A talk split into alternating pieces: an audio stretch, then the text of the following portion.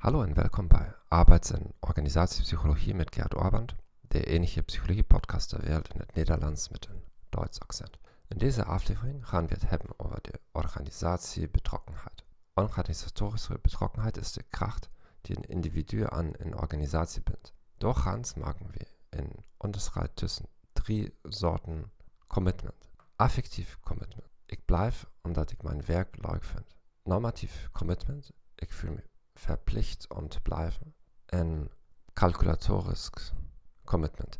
Niet blijven zou voor mij te kostbaar zijn. Het laatste type heeft twee componenten. Gebrek aan alternatieven, gebrek aan vacatures, persoonlijke opoffering. Verlies van persoonlijke voordelen zoals een bedrijfswagen. Hier zijn enkele vragen uit een vragenlijst voor elk type commitment. Affectief commitment. Ik zou graag de rest van mijn carrière bij McDonald's. Ik voel me geen deel van de familie van Mercedes. Nou, omgekeerd item.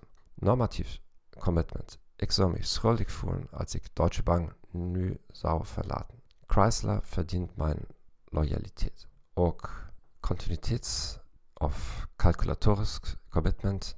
Te veel van mijn leven zou worden verstoord als ik zou besluiten Burger King te verlaten. Ik denk dat ik te weinig opties heb om te overwegen Starbucks te verlaten. Bedankt voor het luisteren naar deze podcast. Ik wens je een fijne dag en tot ziens.